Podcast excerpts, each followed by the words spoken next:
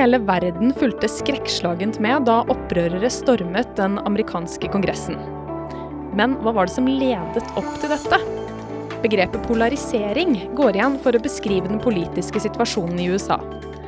Hvordan skal vi forstå det at et land er polarisert? Og hvordan kan det forklare hva som skjedde i USA?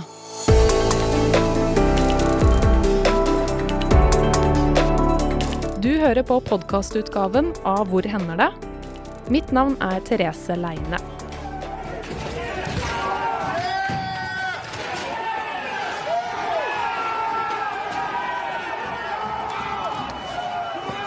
Dette er et, eh, et, opptak fra den 6. januar, som var den dagen der Kongressen formelt skulle godkjenne valget av Joe Biden som, eh, som USAs neste president.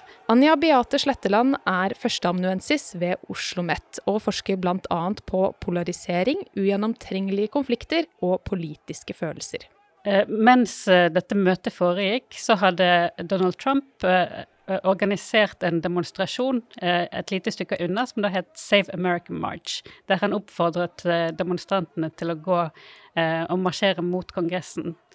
Og der var det en, en, stor gruppe demonstranter som rett og slett brøt seg inn i, i, Kongressen og knuste ting.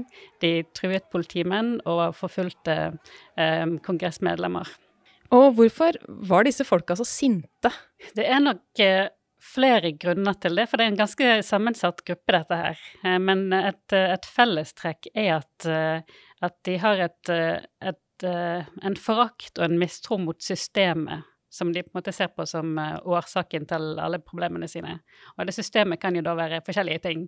Uh, men blant annet så var det um, Har jo Donald Trump helt fra valgkampen begynte advart mot at uh, dette valget ikke kom til å bli legitimt og rettferdig gjennomført, og har da hevdet at valget ble stjålet. Så det var jo da en årsak til at de møttes der denne dagen for å demonstrere. Anja, du skal forklare oss hva som har skjedd i USA over lang tid. Men før det så må vi ha det helt eh, klart for oss. Hva er egentlig polarisering? Polarisering er en veldig enkel metafor for et veldig komplekst fenomen. Altså, Man kjenner jo igjen ordet poler fra magneter og fra nord- og sørpol eh, på jorden. Og strømninger under jordoverflaten skaper eh, et magnetfelt mellom nord og sør. Og på samme måte kan man si at det er eh, strømninger eller spenninger i samfunnet eh, som eh, skaper motsetninger mellom grupper. I utgangspunktet så er polarisering et nøytralt begrep. Det brukes veldig negativt i dag, men eh, eh det handler jo egentlig bare om en balanse. Eh, fordi man trenger å få frem uenigheter og splittelser der de finnes, for at det skal være mulig å, å finne kompromisser og gode fellesløsninger for fravær av polarisering betyr jo bare at det er noen grupper som får lov til å definere alt og ta alle beslutningene. Hvordan kan man avgjøre om man har polarisering i et land eller samfunn eller ikke? Du kan vel si det sånn at uh, hvis uh, det finnes uenighet i et samfunn, og den uenigheten er synlig, da har du polarisering. Vil det si at vi har polarisering i Norge? Vi er jo uenige. Ja, vi har polarisering i Norge, og det er faktisk veldig bra at vi har det. Uh, for polarisering er egentlig en forutsetning for demokrati. Eh, fravær av polarisering betyr jo egentlig at, eh, eh, at det er noen som bestemmer hva alle skal mene, og hvordan hele verden skal se ut. Um, og det gjør jo at, at, ingenting egentlig kan utvikle seg. Så polarisering handler rett og slett om at det finnes ulike grupper med ulike interesser, og alle de gruppene får kjempe for sine interesser. Og hva er konsekvensen hvis det blir for sterk polarisering? I et samfunn? Det kan jo være et veldig stort problem for demokratiet. Eh, for hvis eh, det blir for store splittelser i samfunnet, så vil de ikke lenger klare å samarbeide. De vil ikke klare å se på motstandere som, eh, som noen de skal samarbeide med, men de vil se på de som fiender, som de nå må bekjempe. Um, som da står i veien for å, for å oppnå sine mål og sine interesser. Du har skrevet om polarisering for Hvor hender det? Og der nevner du noen forskjellige typer polarisering. Eh, hvilke er dette, og hva betyr de? Dette er også et sånt problem med polariseringsbegrepet, at det, det brukes eh, det, det, refererer til mange forskjellige ting, for en splittelse kan jo være hva som helst. um, så det er veldig nyttig å, å, dele det inn i ulike typer. Uh, en type som vi ikke beskriver i denne artikkelen, men som er veldig viktig å ha med seg, det er økonomisk polarisering, som da handler om en økende grad av ulikhet. Og det er også en faktor som, eh, som lå bak, om ikke akkurat stormingen av Kongressen, så i hvert fall den utviklingen i USA der det blir større og større motsetninger mellom folkegrupper. Og det handler rett og slett om eh, eh at eh, mange tidligere middelklassepersoner eh, tjener mindre penger og bor dårligere enn sine foreldre, har dårligere tilgang til utdanning osv. Og, så og den type nedgang er veldig traumatisk. Det føles veldig ubehagelig å oppleve det. Og det er en veldig stor kilde til misnøye i samfunnet. Økonomisk polarisering er negativt i seg selv med store økonomiske forskjeller, men det bidrar også til andre former for polarisering.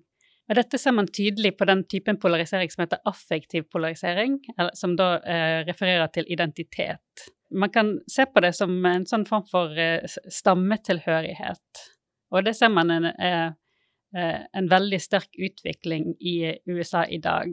For eh, ja, 30 år siden så var det veldig vanlig at demokratene og republikanerne Eh, ikke var så veldig definerte grupper. Det var veldig vanlig å være venner med mennesker i, eh, som stemte på motsatt parti, og gifte seg bli kjærester osv. Her ser man en, en utvikling der eh, tilhengere av republikanerne og demokratene ikke lenger snakker sammen. Det er til og med splittet familier og at det utvikler seg et, et sterkt fiendskap mellom dem. Den neste typen eh, polarisering er det som heter ideologisk polarisering. Og her ser man litt av den motsatte tendensen, at det har vært en jevn tendens til, at, uh, til større enighet om de grunnleggende spørsmålene i samfunnet. Um, for eksempel så er det en, en, generell økende enighet om at kvinner og menn skal ha like rettigheter, uh, svarte og hvite skal ha like rettigheter, og at stor økonomisk ulikhet er et problem. Det syns jeg egentlig er litt overraskende, for, for sånn som Donald Trump snakker, Eh, så får jeg følelsen av at man er veldig uenige om, om uh, hva slags ideologi man har, og hva slags samfunn man vil ha. En, en, grunn til at det er veldig vanskelig å få øye på, uh, på den på måte, økende enigheten om de store spørsmålene i samfunnet, det er det som heter retorisk polarisering. Det henger jo igjen sammen med den affektive polariseringen. Altså det at uh, det har blitt en sterkere stammetilhørighet i samfunnet da skjer det noe i selve kommunikasjonen. Det blir altså vanskeligere å holde en, eh, en høflig samtale. Det blir vanskeligere å i det hele tatt uh, klare å forklare det man uh, mener, og det blir vanskelig å lytte til hva andre sier. Når vi nå snakker om uh, retorisk polarisering, som er den siste typen polarisering, som vi skal snakke om her i hvert fall, da må vi nesten innom en klassiker fra Trump. And I want you all to know that we are fighting the fake news. It's fake, phony, fake.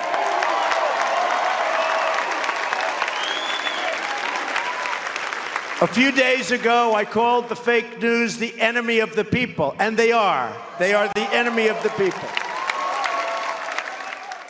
Hva er det vi hører her? Ja, dette er et veldig godt eksempel på retorisk polarisering, der eh, Donald Trump kaller eh, mediene for folkets fiende. Og det handler jo rett og slett om at han ikke har noen interesse av at uh, befolkningen skal lytte til de tradisjonelle mediene, pga. at de ofte er kritiske til han. Han har på en måte uh, jobbet veldig hardt for å skape en splittelse mellom, uh, mellom måte, seg sjøl og de han representerer, og vitenskapen. Um, de tradisjonelle mediene og det, det, politiske systemet, som gir han et veldig stort spillerom eh, pga. at han trenger ikke lenger å lytte til, til eh, motargumenter i det hele tatt.